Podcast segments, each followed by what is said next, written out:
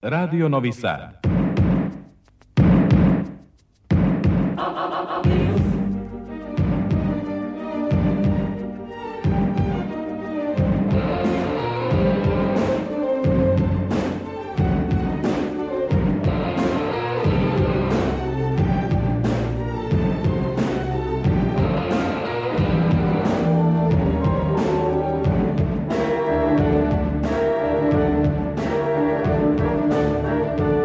Spektar.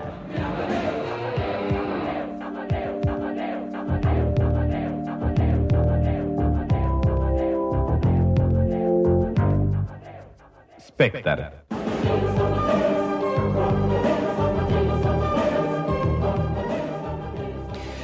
10 sati i 12 minuta, dobroveče, dragi slušaoci. Ovo je Spektar, magazin za kulturu prvog programa Radija Radio Televizije Vojvodine. Za večera smo zabeležili neke teme, razgovore, događaje i za slušanje vam nudimo sledeće. Uoči izbora za Nijenovu nagradu za roman godine, sagovornici Spektra su Marijana Čanak i Goran Petrović. Sledeće sedmice počinje 16. filmski festival Kustendorf. Novosadsko pozorište u Ivide Kisinhas obeležava 69. godišnjicu. Godišnjicu, ali i 72. obeležio je i Pokrajinski zavod za zaštitu spomenika kulture. Radio Televizije Vojvodine emituje od nedelje pet polučasovnih epizoda nove dokumentarne serije o pesniku Miroslavu Andiću. U fabrici u Kreativnom centru otvorena izložba Slika, projekat Akademije umetnosti u Novom Sadu. Ja sam Aleksandra Rajić, za mikrofonom sam narednih sat i po.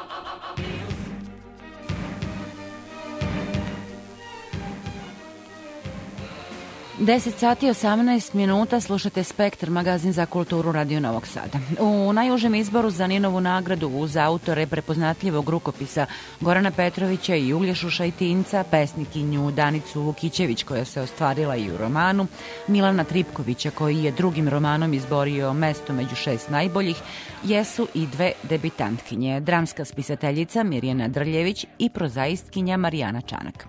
Zanimljiv podatak je da je roman Klara Clarisa Marijane Čanak objavio upravo Bulevar Books, čiji je vlasnik Milan Tripković.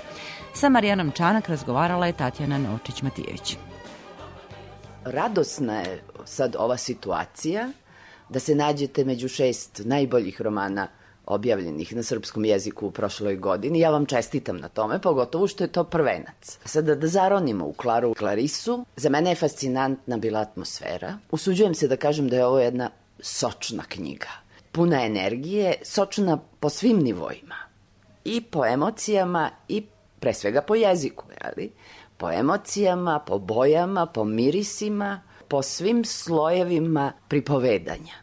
Negde sam imala osjećaj kao da zaranjam u one dubine koje pa negde, pretpostavljam, sve mi žene nosimo u svojim genetskim zapisima, ali smo ih manje ili više svesni.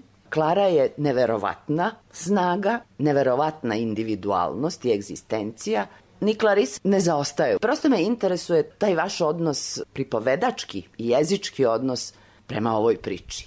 Čini mi se da je nesvakidašnji. Pre svega hvala na čestitkama i na ovako inspirativnom jednom uvodu. Ah, mogla bih pre svega da kažem da je za mene mitologija osnova sveukupne književnosti, ali i osnova života jer mi se čini da šta mi radimo u životu, variramo, preigravamo te stare mitske priče ili neke njihove elemente, igramo arhetipove, igre karaktera, a isto to radimo u književnosti. Znači, uverena sam da mi samo recikliramo te stare mitove, izvorne priče, izvorne bajke, predanja, legende. I to je nešto što je meni od uvek fascinantno i što me iniciralo u svet književnosti i pisanja.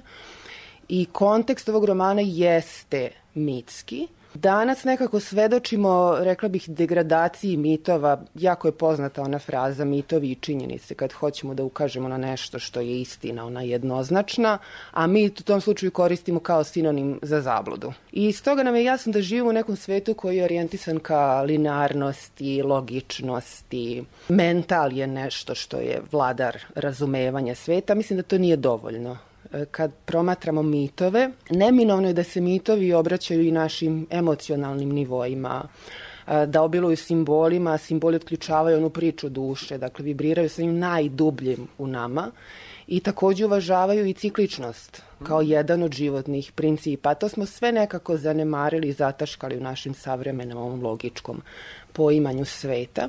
I zbog toga su i mitovi važni i zbog toga je bilo važno da kontekst romana bude mitski i da tekst može da pravi takvo dejstvo, dakle delujući na one najdublje slojeve u nama, da zaista može prouzrokovati neku transformaciju na nivou te celovitosti shvatanja bića i sveta. Verujem da ne može, na primjer, neki ideološki, politički pamflet koji se obraća isključivo mentalu, tom kognitivnom sloju, da napravi transformaciju. I ispiranje mozga nije dovoljno za suštinski preobražaj treba se spuštati onim korenjem. Da iskoristim sliku Apsolutno iz da, korenima i mislim da je neophodno vraćati se na izvor, na izvornu književnost, na te stare drevne priče koje imaju ta dubinska dejstva i da imamo tu slobodu sada da ih variramo, preoblikujemo, ponovo interpretiramo na nov način. Kada racionalno čitamo Klaru Klarisu, mi negde uviđamo sav taj set tema koji jesu karakteristični za savremeni život. Oni su naravno u velikim slikama, moćnim simbolima. Na jednoj strani kavez, na drugoj strani mostovi. Dakle, Klara, Klarisa je jedna snažna žena koja je apsolutno svesna svakodnevice i svesna svojih potreba i okruženja koje je kavez. S druge strane, ne postoji ta vrsta poistovećivanja sa, sa njenom patnjom. Ne. Ona iz svega izlazi sad kao jedna snažna, slobodna ličnost. I utoliko mi je zanimljiv bukvalno i taj zaokret na kraju. Još jednu stvar želim da vi potencirate, a to je taj yin-yang Ja sam to tako razumela. Dakle, Klara i Klaus. Ženski princip, muški princip, vezani tom čudnovatom, jel, blizanačkom vezom koja je e, mnogo više od evo ove puke sintagme. Uh. -huh. Tako je, ja sam od početka pisanja i uopšte suočavanja sa Klarom, otkrivanja njenog lika, imala na umu da je nekako nužno da ona prođe kroz frustraciju, kroz traumu, jer to jeste deo života, neizbežno je. Ali mi je bilo izuzetno važno da ona ne ostane zaključena u tom kavezu frustracije, jer onda priča nekako ne bi imala smisla. Izostalo bi to katarzično dejstvo i ne, unizila bi se priča kao takva. E, tako da to je nešto čime sam se rukovodila od samog starta, da je to žena koja će proći kroz transformaciju, kroz dolazak do sebe, otkrivanja snage i samim tim ta frustracija ima smisla. Znači, to nije njena celoživotna priča, to je samo jedna od epizoda u njenom životu iz koje ona izlazi osnažena i izlazi bliža, bliža sebi.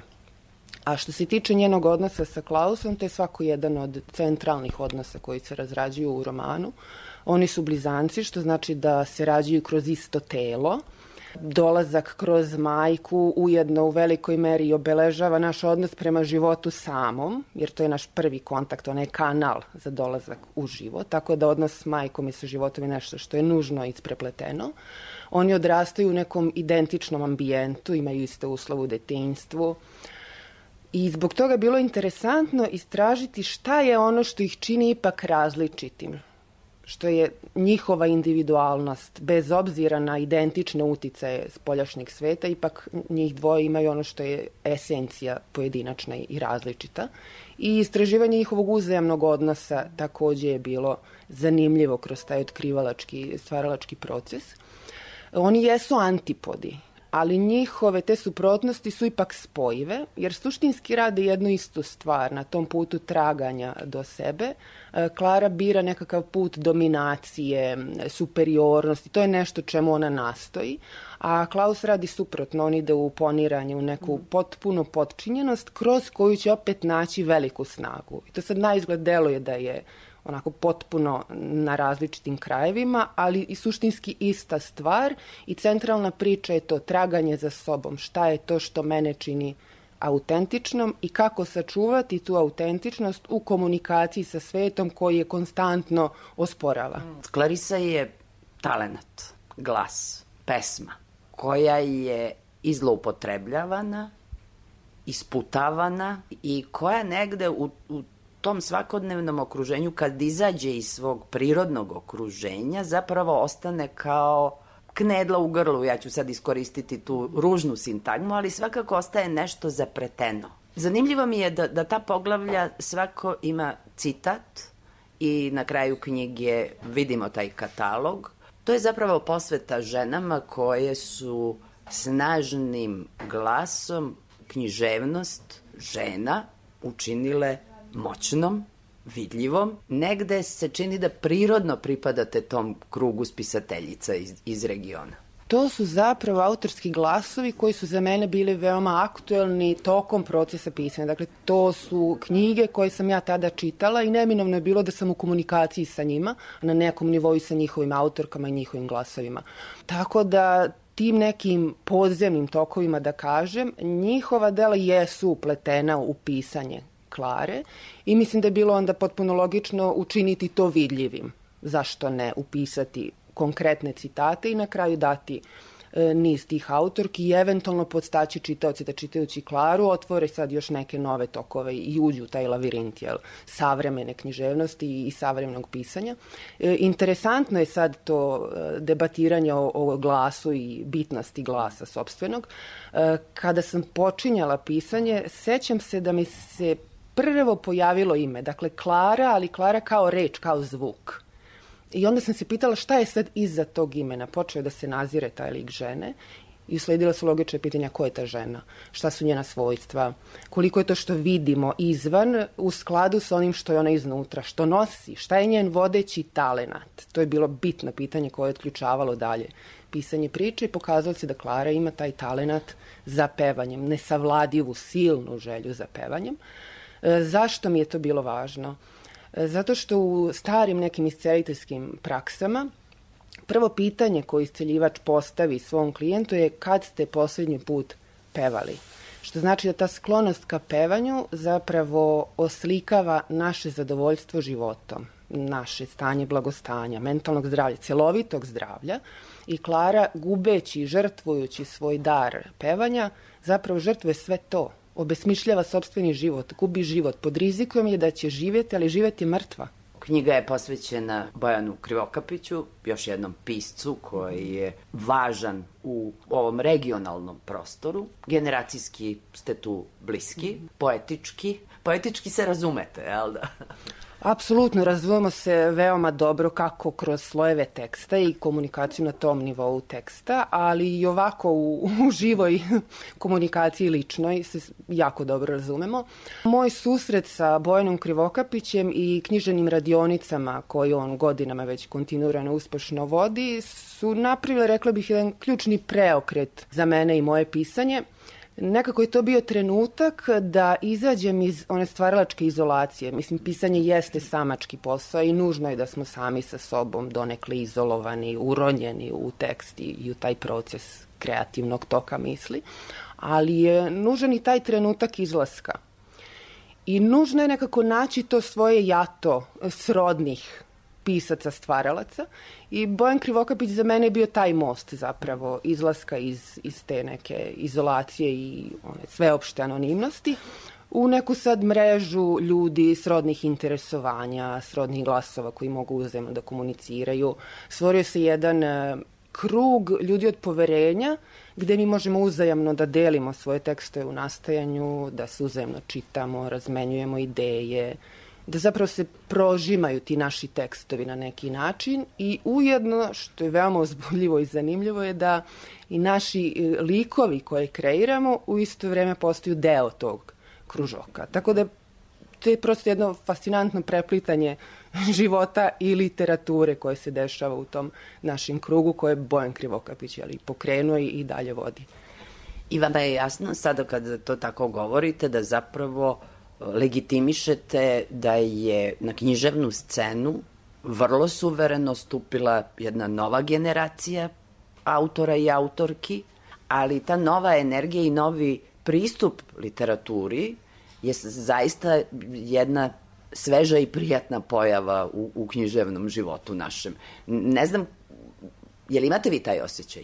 I, ili, ili još imate osjećaj da ste negde na marginama?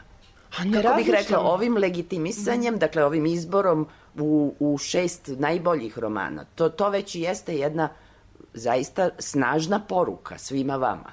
Pogotovo što među e, šest pola je, su autori prvih romana, jel? Da, da, to je svakako činjenica i činjenica je da već ovaj najužbi, najuži izbor nekako ima tu ulogu velikog reflektora koji će određene naslove da dodatno rasvetli, ukaže na njih i pozove čitaoce da, da se pozabave tim knjigama i, i novim autorima za koje možda nisu ni čuli. To jeste tako, ali trudim se da naprosto ne razmišljam previše o tome, da ostanem nekako što je više moguće u svom bavljanju tekstom, a ne kontekstom i ovim što dalje sad sve može da sledi, može, a ne mora. Jeste mi naravno bitno što će knjiga sad imati neki svoj život i ja bih najviše volila da ta knjiga može da vodi svoj život nekako mimo mene, da ja ostanem sad u nekim svojim daljim kreativnim procesima, promišljanju, pisanju, prikupljanju, građe za nešto novo, a da je ovo već nekako jedno onako kako bih rekla, odgojeno, stabilno dete koje sad može samo da se snalazi u svetu i funkcioniše bez toga da mu treba sad neka dodatna uh, podrška ili nešto da ja govorim u ime te knjige. Jako bih volila da knjiga sad može sama da A znate da se to neće dogoditi? pa, da, zapravo znam, ali dalje volim ovu ideologiju.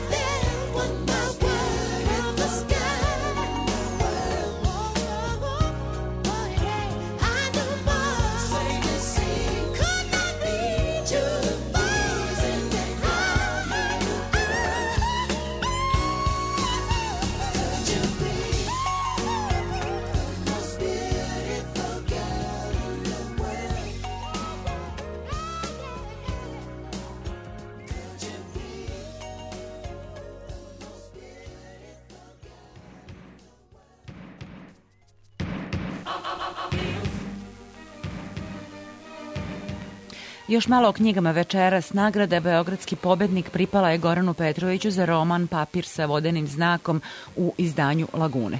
Roman je istovremeno i u najnužem izboru za Ninovu nagradu. O tom romanu i o romanu Ikonosta s kojim je Petrović otvorio veliki projekat Roman Delta, govorio je za Spektar u novembru.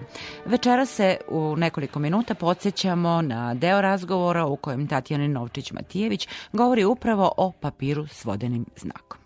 To je priča o nastanku papira i to onog specifičnog, ekskluzivnog po više nivoa, jer i samo njegovo pojavljivanje je ekskluziva jer prestaje da se koristi pergament. Taj papir iz, iz Amalfija stiže i u Srbiju. Ali vi otvarate celu tu priču o tom budućem e, romanu Delta, pričom o papiru. Pa dobro, meni se učinilo kao logično, ovaj, odakle se počinje nego od belog papira. A, a to jeste jedan trenutak, jedan od trenutaka u civilizaciji takozvane demokratizacije, koja istina i nosi jednu, jednu vrstu demokratizacije. Papir je u suštini jeftiniji nego pergament. Za dva lista pergamenta je potrebno jedno jagnje jer se pergament pravio samo od kože sa slabina jagnjeta. Dakle, samo dva lista se dobije od jednog jagnjeta. Za papir je potrebno, naprosto je mogo da se industrijski proizvodi, Naravno, na, sledeća demokratizacija je pronalazak štampe, a valjda ova sledeća je interneta. Svako od njih, međutim, nosi i neke mane. Ono što je meni bilo posebno interesantno i, ovaj, i važno i mislio sam da, da to podcrtam u, u, u ovom romanu, je to da se taj papir pravi od stare odeće. Mm -hmm. Da se pravio zapravo od krpa da se zapravo pravi od e, prošlih života i književnost na neki način reciklira život i od njega pravi nešto novo. Dakle, u osnovi stoji nešto što je dramatično, što je, ima jedno, jedan, jedan, čak jedan jeziv ton, a dobija se papir koji izbilja je ta, ta radionica u Amalfiju pravila najbolji papir, papska kancelarija je kupovala papir od njih, da bi se na njemu moglo ispisati nešto što je uzvišeno, nešto što je u ovom slučaju recimo poneki put i lascivno kao što je, kao što je u ovom romanu. On zapravo ima taj ton, ja sam i želeo da on ima jedan ton renesansni, bokačovski, nije još došlo do Cervantesa i do Rable, ali svejedno ton je takav. Ja sam želeo da napravim veliki zahvat ovim svim knjigama i ovim dvema, ali one su početak dakle, celog tog ciklusa, da, da to bude naprosto grljenje sveta. I kad kažem grljenje sveta, to znači da ste zagrlili i crkvu veličine e, Svete Sofije, odnosno Aja Sofije, ali da ste zagrlili i, i, i vrapca. Tako da, da, i da se može uvek čitati u velikom ono što je malo i da se u onome što je malo može pročitati veliko. I ja na neki način ovo vidim kao jednu vrstu sume onoga što je moja poetika.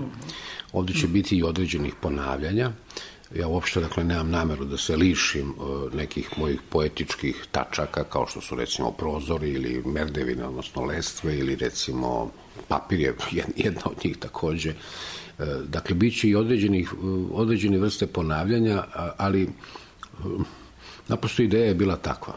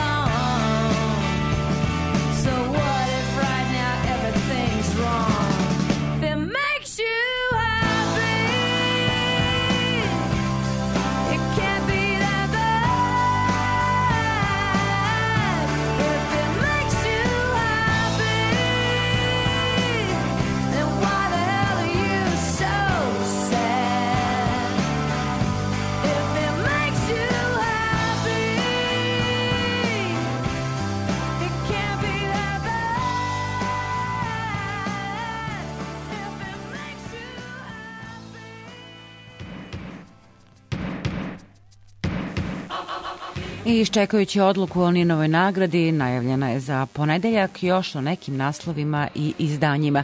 Kulturni centar Vojvodine Miloš Crnjanski izdavačku delatnost usmerio je na nekomercijalna, nekomercijalne publikacije značajne za našu kulturu. Danas je predstavljena edicija Džepna knjiga posvećena čitanju, kaže urednik Mirko Sebić specifikum te edicije da objavljuje po jedan ili dva teksta od autora ili priređuje od, iz nekih većih tekstova, da, tako da bude u nekom prihvatljivom obimu 40-50 strana.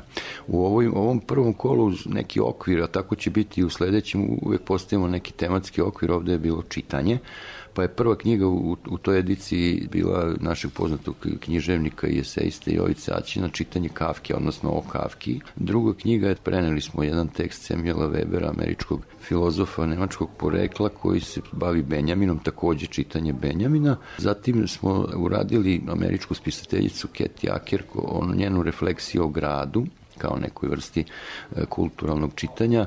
Tu se je našao i u stvari Rem Koolhaas, jedan verovatno danas najpoznatijih arhitekta svetskih i filozof arhitekture koji je nekih 70. godina objavio knjigu Zakasnili manifest za Manhattan gde se bavi Njurkom kao i urbanitetom i nastankom tog urbaniteta i američkog načina gradnje. Ono što je posebno zanimljivo, originalno i naša autorka Mirjana Stošić sa Fakulteta za medije i komunikaciju je napisala knjigu Čitanje užasa koja se bavi i nastavlja na tu logorologiju i ovičinih gatanja po pepelu, znači bavi se holokaustom iz ugla čitanja dakle, biografske proze Prima Levija. Pristup obogaće nekim novim literaturama i referencama koje su se pojavile 2000. godina. Nastavit ćemo i od ove godine i takođe u kolu od šest knjiga. Ja, koliko imam feedback, naišlo je to na dobar, na dobar odziv, ljudima se sviđa, a kažem, ona je pre svega namenjena da probudi interesovanje za neke teme i za neke autore na jedan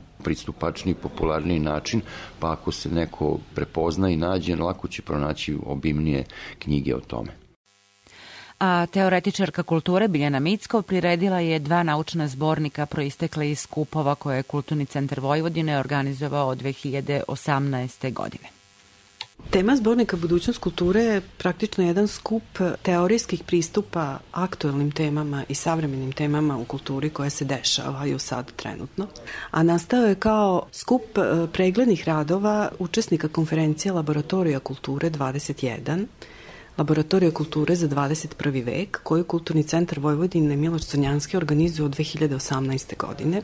I ovo je jedna sublimacija preglednih radova, zbornik inače naučnog karaktera, koji nas usmerava, ne daje konačna rešenja, nego nas usmerava u kom, kako ćemo ići šta su nove kulturne politike, šta su otvoreni gradovi, šta su aktuelne teme trenutno uh, u polju umetnosti i kulture, kako pandemija utiče, kako klimatske promene utiču na gradove i na kulturno nasleđe, odnosa kulture i ekonomije, kako se finansira kultura u velikim gradovima, koje može da nam posluži kao neki izvor saznanja kako bi mi mogli da rešavamo to pitanje koje je vrlo od velikog značaja s obzirom na održivost same umetnosti i kulture u današnjem društvenim sistemima. I na kraju se razmatra pitanje šta mi u stvari dobijamo time što smo bili Evropska predstavnica kulture. I tu je urađena jedna analiza profesorice iz Francuske Anne Gombeau koja se bavila različitim gradovima u Evropi koji su bili Evropska predstavnica kulture i šta je ostalo posle te titule. Takođe smo se dotakli tema iz umetnosti, kako će se umetnost percipirati u budućnost, kakvi su odgovori umetnika na digitalan svet. Tako da smo dali jednu perspektivu nekonačnih rešenja, ali, ali nešto što bi pomoglo dalje istraživačima da razmatraju šta bi bilo dobro da koriste kao materijal za održivost same umetnosti i kulture. Drugi zbornik je takođe nastao iz e, serija konferencija e, Laboratorija kulture 21. On je isključivo naučnog karaktera, sačinjen je od devet originalnih naučnih radova naših i stranih eksperata. Vrlo zanimljiva tema s obzirom da e, razmatramo odnos kulture, ekonomije i inovacija. Sam zbornik se naziva Nova paradigma kreativne ekonomije. Šta znači suštinski nova paradigma?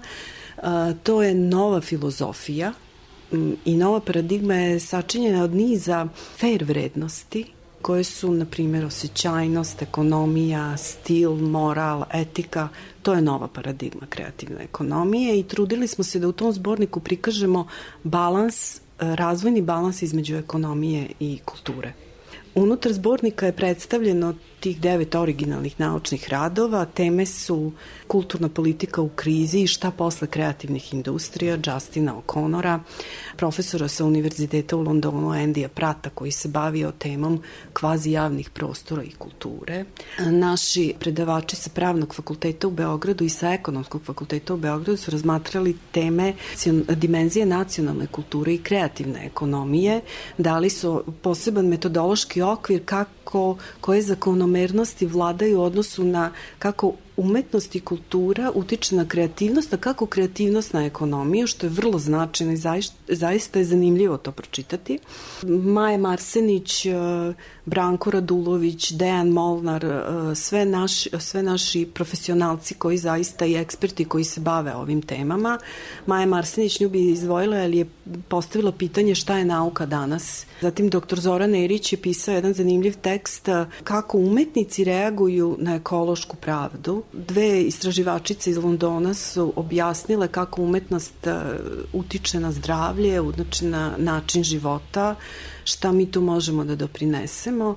Tako da jedan vrlo zanimljiv, vrlo zanimljiv skup uh, radova koji se odnosi na kulturu i ekonomiju i šta su takođe beskonačnih rešenja, ali ima dobar materijal za dalji, za dalji razvoj.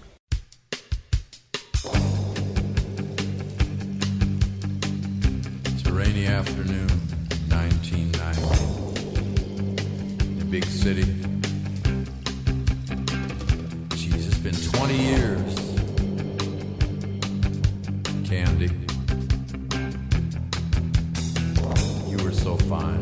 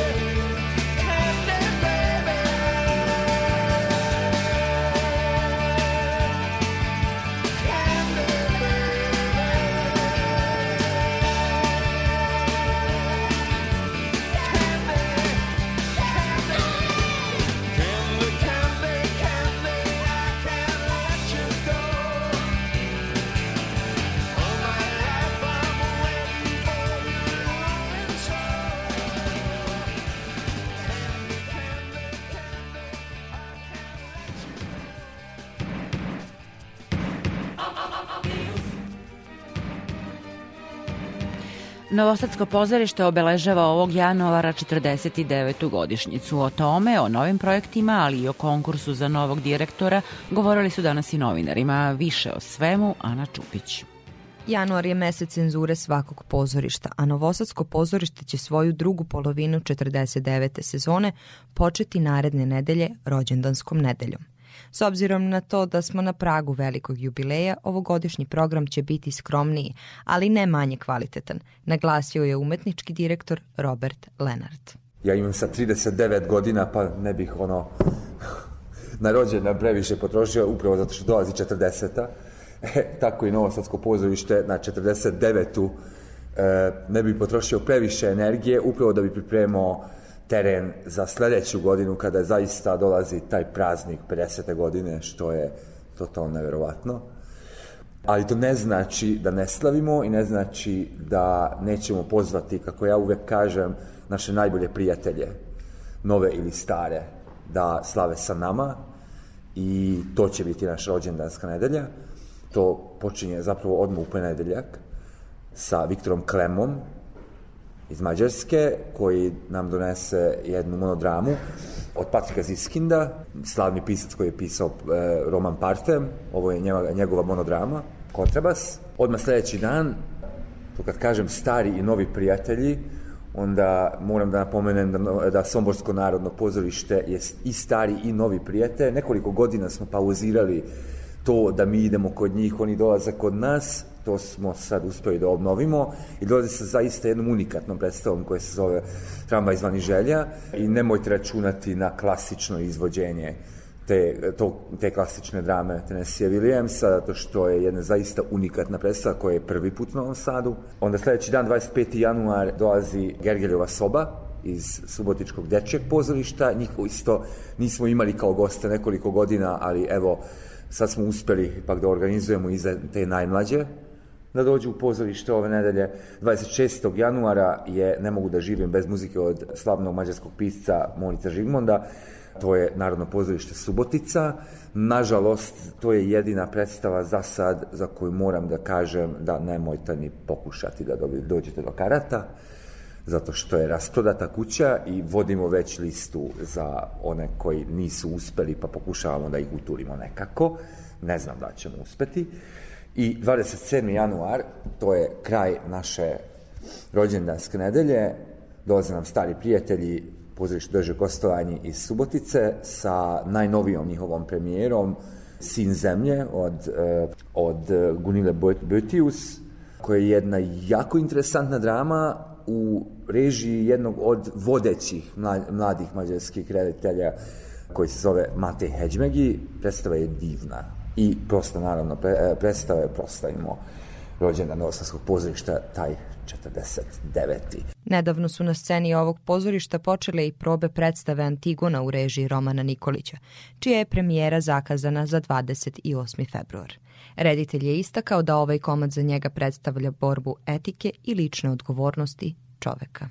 Ako govorimo o samoj Antigoni i nekoj nemogućnosti ukopa, onda to ako transponiramo u neko današnje, u neki današnji kontekst koji se jako još uvijek bavi e, tim postratnim zajednicama na ovim prostorima, onda tu nalazimo poveznicu suvremene Antigone sa samom Antigonom koja je u predlošku. Također Antigona ima u svom sadržaju jako puno marginaliziranih i zapostavljenih li, likova, kako, kako literarno, tako mogu reći interpretativno u svom predlošku, kao što postoji danas i društveno.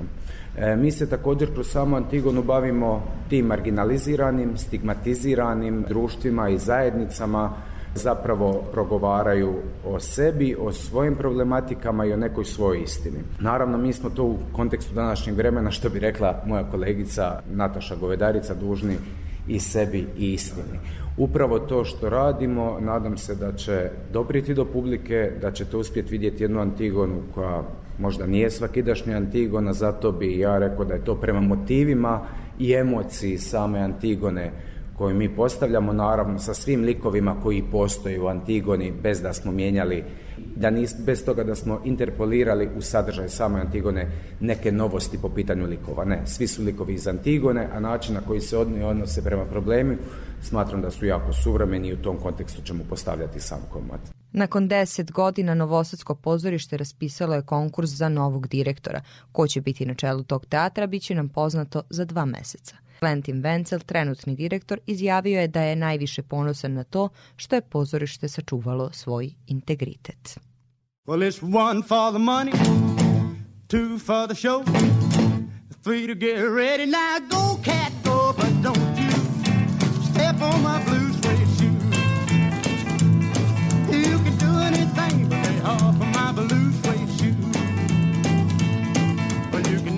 down, step in my face, slander my name all over the place, and do anything that you wanna do. But uh-uh, honey, lay off of my shoes and don't you step on my blue suede shoes. You can do anything but lay off of my blue suede shoes.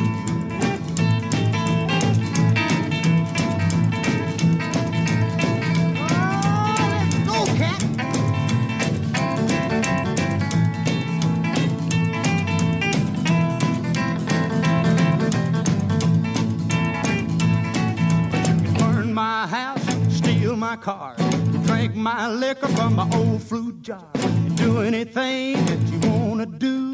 But uh-uh, honey, lay off of them shoes and don't you step on my blue suede shoes. You can do anything but lay off of my blue suede shoes. Right.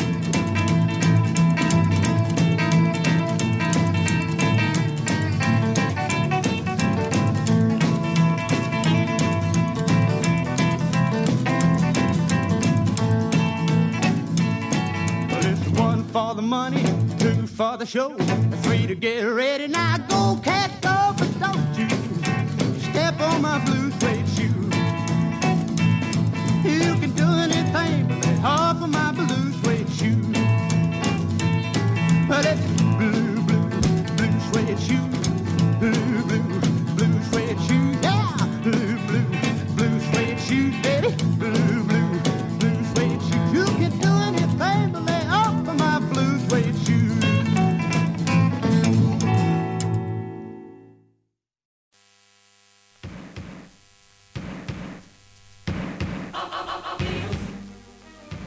Pokrajinski zavod za zaštitu spomenika kulture obeležio je prezentacijom radova i promocijom novog časopisa e, novog broja časopisa e, Građa 72 godine postojanja.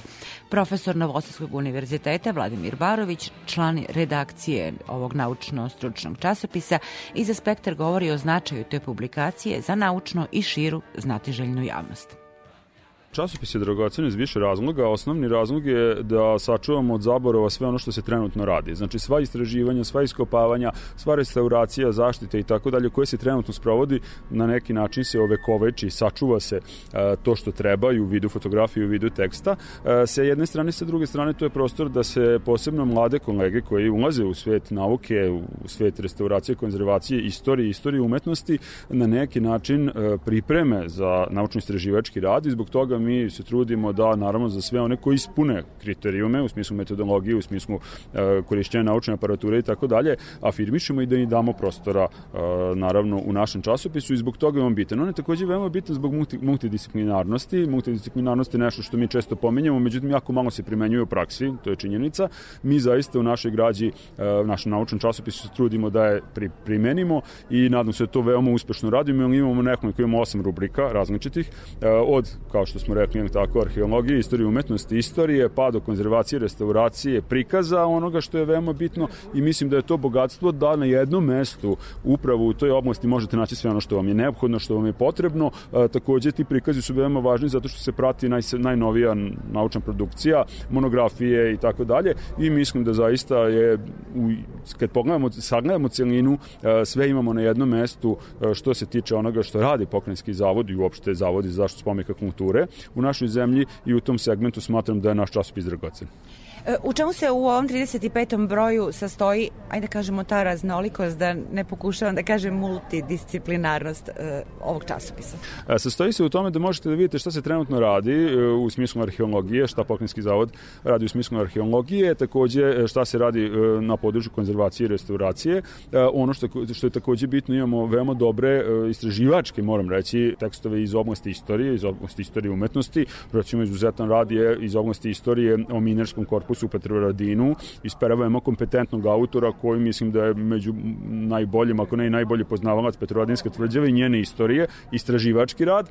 Takođe imamo i rad e, kolege koji je istraživao E, tako ono što što je malo poznato znači malo poznate ličnosti u Banatu i Bačkoj a e, poreklom su iz nemačke nacionalne zajednice pričamo o kolegi Filipu Krčmaru iz Zrenjanina a, koji e, takođe tako je Žuk Pekanu koji je napisao o, i dobro je poznavalac istorije te zajednice koja nažalost nije više brojna ali i tekako ostavila traga na a, ovom prostoru pričamo o nemačkoj nacionalnoj zajednici u prošlosti i takođe imamo a, radove koji mislim da su veoma bitni što se tiče konzervacije i restauracije u a, recimo manastiru Bođani a, i u raznim drugim lokalitetima koji mislim da su dragoceni jer zaista kažem jednog dana ovaj za recimo 50 ili 100 godina eh, kada neko uzme u ruku tu građu moći će da vidi zaista ono šta se radilo, kako se radilo i moći će na neki način da taj otisak vremena sadašnjeg eh, vidi u budućnosti. Evo mi iz redakcije za kulturu uvek nađemo zanimljive sagovornike među autorima ovog časopisa, znači da pratimo ono što radite. Rekla bih da pristup ovog časopisa nije uvek isključivo pozitivistički, nego da tu ima i jednih finih vrednostnih e, stavova i za struku, a i naravno šire posmatrajući. Tako je, u potpunosti u pravu. Mi se trudimo da imamo uh, Sina i Red studio, što bi rekao Tacit, bez ljutnje pristrasnosti odnos prema našim autorima.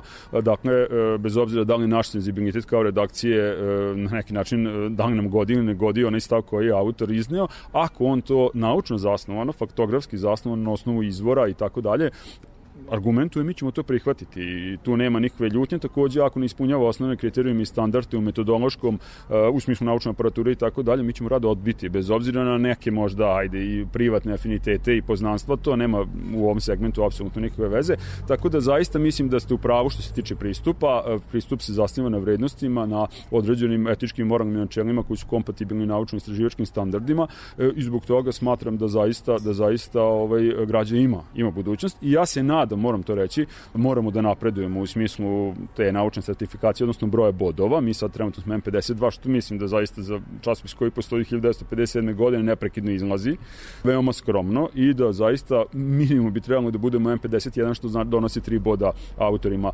autorima člana, kao da se mi ne želimo, mi sad imamo dovoljno teksta. Mi imamo više, mnogo više teksta nego što možemo da objavimo u jednom broju. Ajde preporučimo možda neki jedan tekst iz ovog časopisa slušaocima, dakle budućim čitaocima.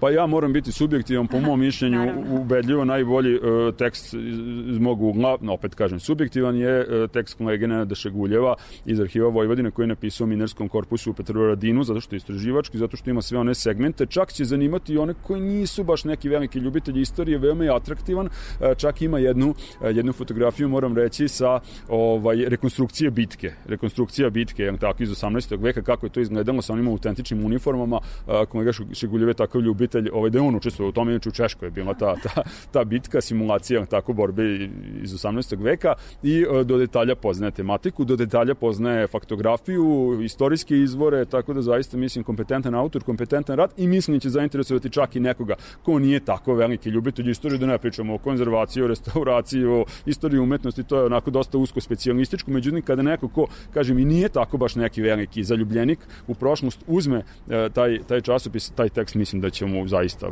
prijati. Hvala vam puno na ovom razgovoru.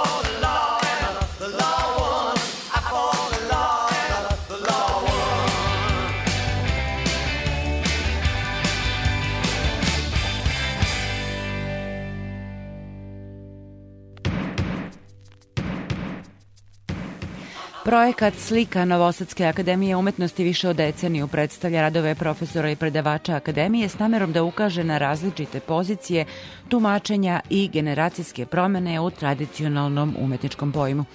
Ovogodišnja izložba otvorena u Fabrici u Novom Sadu predstavila je 12 autora, onih već afirmisanih i onih nove generacije. Lidija Marinko Pavlović je likovna kritičarka, umetnica koja je izložena ovoj izložbi i profesorka na Akademiji umetnosti. Ovo je uh, već otprilike 10. 11. izdanje projekta slika i kao što znate mi tradicionalno pokušavamo da predstavimo rad katedre za slikarstvo. Prema tome, ja mislim da bi mogli da kažemo da je u pitanju jedan presek onoga što, eto, a, što je akademski diskurs, ako tako hoćete, ali ne samo to, već i umetnički diskurs lokalne scene, da kažem, mada, naravno, mi izlažemo moje kolege i ja izlažemo i širom države i u inostranstvu, tako da ali zapravo ne radi se o jednom koherentnom poetičkom naravno stavu, već su to različiti poetički, tehnički, konceptualni izrazi. Koliko zapravo e, savremeni pojam slike može da obuhvati različitost, raznolikosti u onome što jeste slika? Ja se nadam da može zapravo i u tome jeste paradoks savremene umetničke scene. U današnje vreme, naročito posle korone, klasična, tradicionalna slika pokazuje kao jedan sub, subverzivni, da kažem, umetnički mediji, budući da smo navikli na distancu, navikli smo na nove medije, navikli smo na ekrane, tako da e, kada trenutno imamo zapravo analognu sliku u fizičkom, pro, galerijskom, izlagačkom prostoru, onda to postaje nešto potpuno drugačije, čak gotovo i subverzivno. Da, ovde imamo i video radove, i digitalne printove, i klasične Jeste, slike, da. instalacije. Jeste, da, ali zapravo se svaki od ovih radova može podvesti po taj jedan široki okvir koji se zove slika zapravo. E, Mi imamo možda i sreće u srpskom jeziku što nemamo različite termine za painting, za image, za ikon ili tako. Dakle, slika i slikarstvo, ako hoćete čak i uže, jeste ovaj, kod nas jedan demokratski, da kažem, umetnički okvir. Vi iz onog klasičnog okvira, bar na ovoj izložbi, niste puno izloženi. Dakle, vaša slika je ulje ili akril e, na platnu sa određenim e, iskazom, statementom. Šta je za vas e, slika kad radite? Pa ja se trudim u stvari da se vratim slici, kao što sam rekla malo čas, ovaj stav jeste zapravo moj nekako lični stav i meni se čini da slika danas može biti subverzivna, upravo klasična, tradicionalna, analogna slika u prostoru.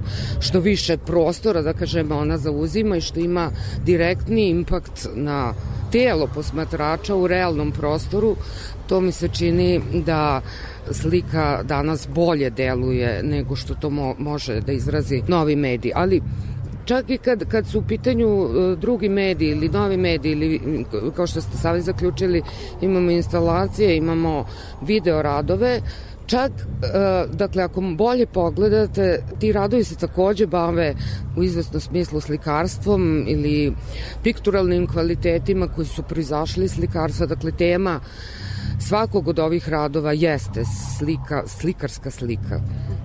Ovo nije naravno sameravanje među vama kolegim, kolegama na Akademiji umetnosti, ali jeste na neki način e, e, kontekstualizacija. Čim objašnjavate zapravo ovu šarolikost i raznolikost?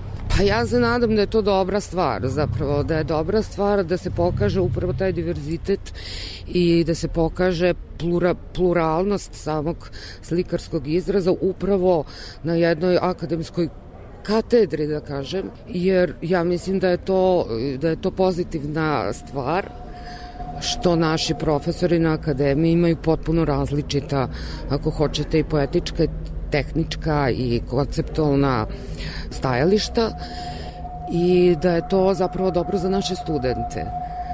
To jeste, kažem, jedan pluralizam, jedna, e, jedna diversifikacija uopšte e, mogućnosti e, savremene slike danas, savremenog slikarstva danas.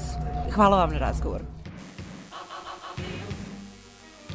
Slikar Vidoje Tucović predstavljen je na izložbi sa pozicije klasičnog slikarstva, a ovako verbalizuje pojam slike. Pa, to je zaista širok pojam. Ima jedna formulacija koja je sjajna, koja kaže da je sve muzika. Čak i padanje kiše ili udaranje u neki predmet, bilo koje koje, kog materijala je muzika, proizvod zvuka je muzika. Slika je isto slična tome. Ona je apsolutno jako puno, kao medij, jako širok pojam. I ona, što se na ovoj izložbi može vidjeti, koje moje kolege i ja istražujemo zaista sa svih aspekata.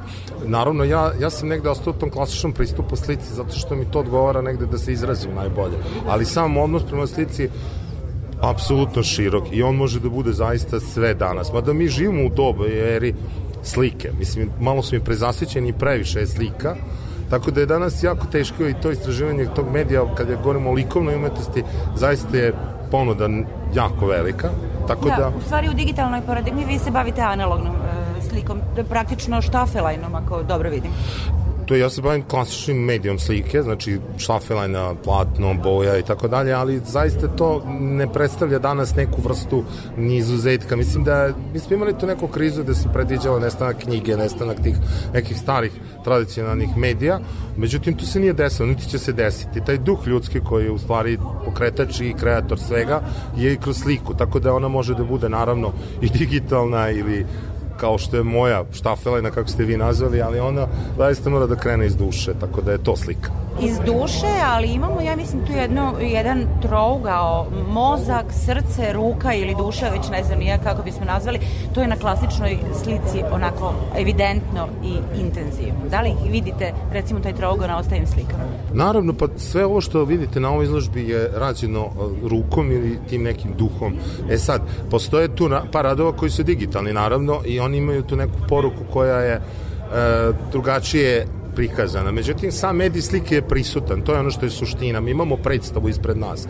Naravno da je sve ono što mi danas imamo kao ponudu širok pojam slike, definisati sliku danas je izuzetno teško, ali ako se bavimo zaista onim što je medij slike pravi, to je ono što je kreativno, što je lično u nama i ono što mi kao autentične e, ličnosti možemo da iskažemo. Ono što ja radim, ja se bavim stanjima svesti ili stanjima, e, studijama stanja.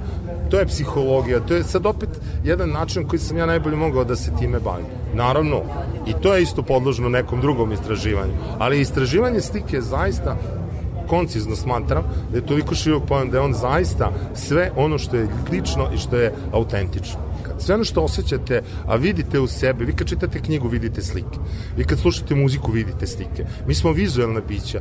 Taj unutrašnji svet viđenja je u stvari originalni svet naših slika. Najveći e, uspeh jeste upoznati sebe i onda tu svoju vizualizaciju, unutrašnji pogled umeti da ga izrazi. To je suština. A Nemanja Milenković je saradnik u nastavi na akademiji, dakle predstavnik najmlađe generacije na ovoj izložbi. Izražava se u proširenom polju slike. Mislim da treba uzeti u obzir da ovo što se vidi e, na izložbi zapravo jeste selekcija svakog autora.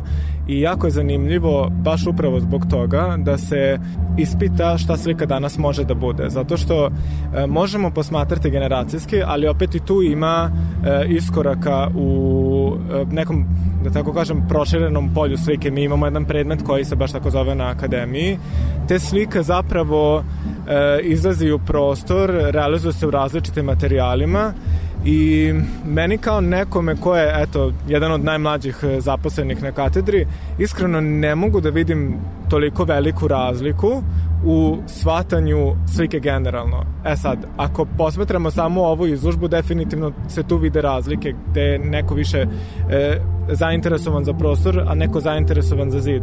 Mada opet, ako samo... E, ta plošnost nije samo plošnost, da. Tako je, tako je, da. Ali opet kada samo e, se oslobodimo tih kategorije da se slika ranije samo prikazivala na zidu, zid i pod, odnosno prostor donekle dođu na isto. Samo smo mi navikli da sliku posmatramo na zidu i onda kada slika napusti to polje zapravo daje zapravo neke nove uglove za posmatrača. E sad, e, pošto je reč o Akademiji umetnosti, zaposlenima na Akademiji, odnosno profesorima i umetnicima sa Akademije umetnosti, e, nužno je postaviti pitanje i te akademske vertikale. Dakle, vi ste sada stručni saradnik, odnosno radi se sa studentima, istovremeno ste usvajali znanja koje su vam upravo ovi profesori prenosili.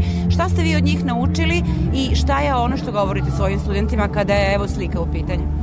E, ja sam studirao u klasi profesora Dragana Matića i osnovne i master studije. Koji je isto na ovoj izložbi? Tako je, da, da, da, koji je takođe na ovoj izložbi i ono što sam ja konkretno od njega naučio jeste da e, sliku ne posmatram samo u tom dvodimenzionalnom smislu, već da sliku posmatram kroz neki pojam koji zapravo kod nas je malo teže objasniti, ali u engleskom je image. To je zapravo sve što mi vidimo našim e, čulom vida. Tako da e, je to nešto što je meni otvorilo velika vrata dok sam bio student, zato što sam ušao na akademiju bez nekog ranijeg izlagačkog iskustva i generalno svesta o savremenoj umetnosti i čim sam zapravo shvatio da slika može i na taj način da se predstavi, da slika ima i to tumačenje, moja generalna umetnička praksa se promenila i ono što ja sada pokušavam takođe da prenesem studentima je isto to gledište. Sad, mislim da postoje e, drugačije reakcije zato što sam ja od studenta malo stariji, neki su čak i stariji od mene, tako da mislim da im je to neposrednije iskustvo nekada bliže nego u odnosu na profesora, ali opet e, to zavisi od studenta do studenta. Da, ali moram da primetim klasičnu manuelnu veštinu, crtanja, slikanja još negujete, evo to se vidi na ovom vašem radu. Da, mislim, opet to je, taj rad je jedan od um, novijih radova iz novije serije, mada ja uglavnom e, radove to kada izlažem radove koji su e, manualno izvedeni, kao što kažete, koji su slika ili crtež, oni su zapravo samo deo jedne izlagačke celine, koja se sastoji od nekih objekata i instalacija, koje čak nekada izuzimaju performativni karakter, tako da slika u mojim radovima nikada nije dominantni medij, ona je samo jedan deo neke izlagačke celine, kako ja volim da ih nazivam i kako se ja zapravo izražavam.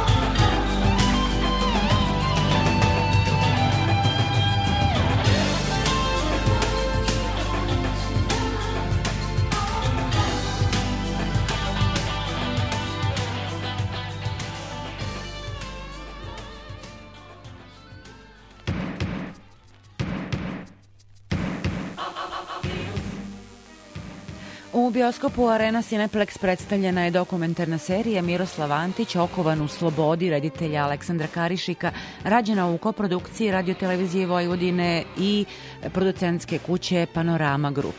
Kroz pet polučasovnih epizoda koje će od e, nedelje 22. januara biti emitovane nedeljom, dakle isključivo na prvom programu RTV-a, serija predstavlja Miku Antića u svetlu njegove svestranosti kao omaž njegovom pesništvu, novinarstvu, ali i filmskoj i likovnoj umetnosti. Prožimaju je dirljiva svedočanstva njegovih kolega i prijatelja poput Mire Banjac, Petra Popovića, Ljubivoja Šumovića, Želimira Žilnika, Borisa Isakovića, Ilije Bašića, Miodraga Petrovića i drugih. Sa rediteljem Aleksandrom Karišikom razgovarala je Isidora Bobić.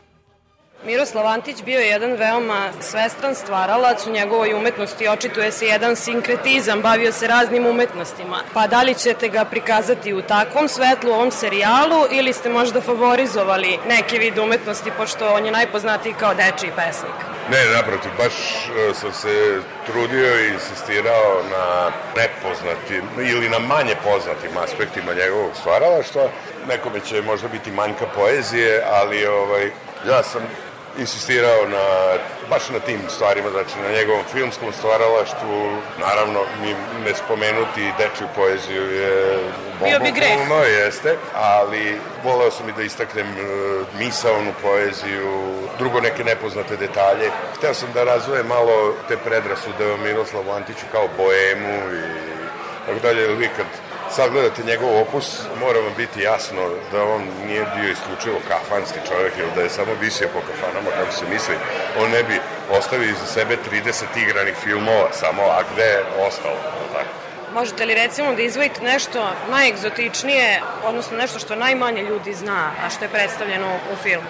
E, ima, ima dosta toga, doduše bio je bolan proces, jer nije moglo sve da stane, on je čovjek izuzetno bogate biografije i onda je to ono kao trijaža, šta će sad da uđe, šta, šta da ne uđe, ali evo, i večeras ćete imati prilike da, da čujete i vidite recimo ovaj, nešto o njegovim nekim gestovima, neke primere koliko je on bio u stvari iskren i koliko je živeo ono što je propovedao i, i što je njegova umetnost da sad vam ne pričam unapred, da dragi gledalci i slušalci pogledaju jel tako, tu seriju. E, imao sam sreće da sam poznam Gorana Seničara. Kad sam počinjao da radim ovo, nema koga nisam sreo da, od starijih ili od malo tako iskusnijih ljudi, jel? koji mi nije ispričao neku anegdotu. I neke od tih anegdota su ušle u to, recimo, eto, Goran Seničar mi je ispričao jednu jako divnu stvari, to ćete imati prilike da, da vidite pred kraj filma. Hvala vam mnogo. Samo još da čujemo ukratko kako izgleda sam proces prikupljanja građe, jer ipak reč o jednom ozbiljnom projektu. Kao prvo moram da kažem i da se zahvalim porodici Miroslava Antića. Baš počastovan sam time koliko su mi pomogli i koliko su se znali da pomognu, da pronađu i imat ćete prilike u seriji da vidite i njegovih rukopisa. I, ja sad da se vratim, vidjet ćete na rukopisima koliko je on ispravljao, prepravljao, koliko je bio radnik, koliko je bio pedantan. Kao i svaki proces, tu su mi pomogli i Arhiv Vojvodine i Matica Srpska i tako dalje. Ovaj, to, to je, ajde da kažemo, jedan ustaljen način ako radite ozbiljno dokumentarne filmove, da onda kopate i tako dalje. Naravno, razgovori s ljudima, imamo dvoje e, e, ljudi, kada ih saberete, to, su, to je 180 i nešto godina stvaralačkog života e, Miru Banjac i Iliju Iku Bašića, koji govore u seriji, koji su rekli neke dragocene stvari i tako dalje. Želimo vam mnogo sreće sa ovom promocijom, ali sa gledanošću serije. Hvala vam Hvala, što, hvala što ste govorili za Radio Novi Sad. Hvala i vama što ste me zvali.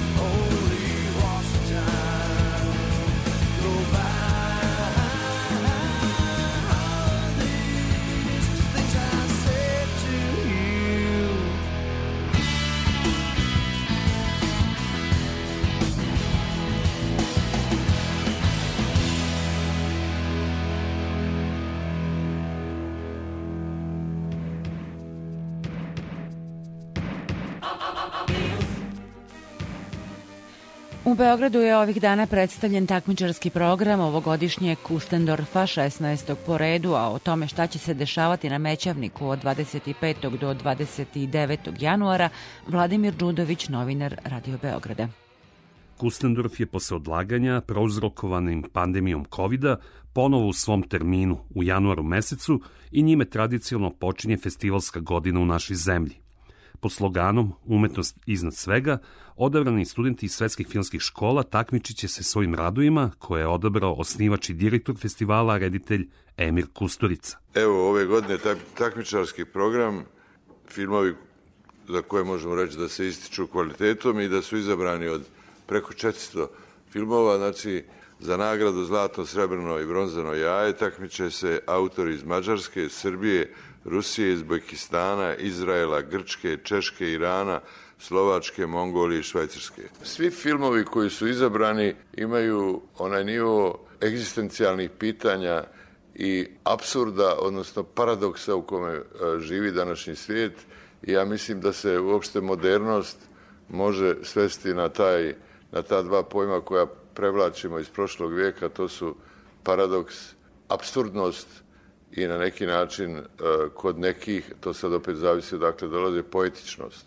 U savremenim tendencijama, to je dakle onaj dio gdje se pojavljuju poznati autori i značajni evropski ili svjetski autori koji sa kojima imaju veliku šansu da se sretnu, razmjene iskustva i čuju njihove master klasove a, mladi autori. Dakle, film Chiara, italijanske rediteljke Suzane Nekjerli, Tinnitus, nagrađivanog brazilskog reditelja Gregorija Graciozija, film Plan 75, japanske rediteljke Chie Hayakawe, dobitnik priznanja na Venecijanskom festivalu, film Suša italijanskog reditelja Paola Virzija, te dobitnik Zlatne palme, film Troga od tuge reditelja Rubena Eslunda koji se javio, on neće doći, te, ali će nam poslati video poruku kojom ćemo otvoriti festival.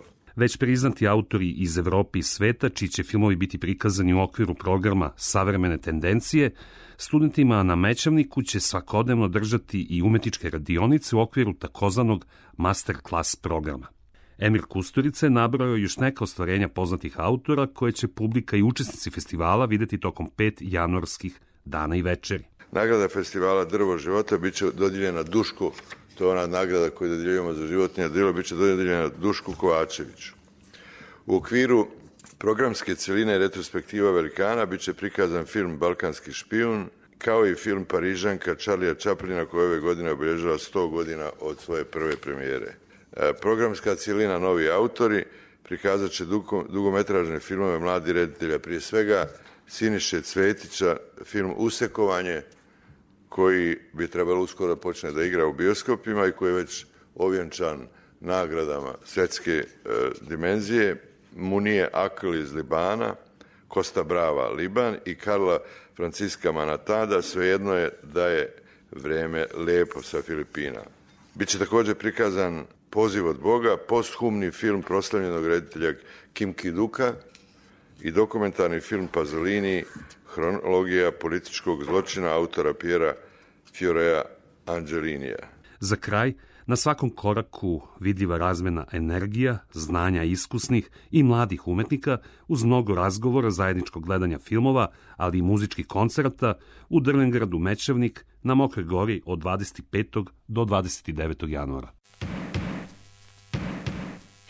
Kustendor će pratiti naš Goran Vukčević, dakle sledećeg petka javljanje sa Mećevnika i 19 minuta do ponoći vreme za tačku na spektar poslo, poštovani slušaoci. Realizovali su ga Raško Aljić, Zoran Gajinov, ja sam Aleksandra Rajić. Podsećam vas da je spektar i na odloženom slušanju na sajtu rtv.rs i želim vam prijatnu noć.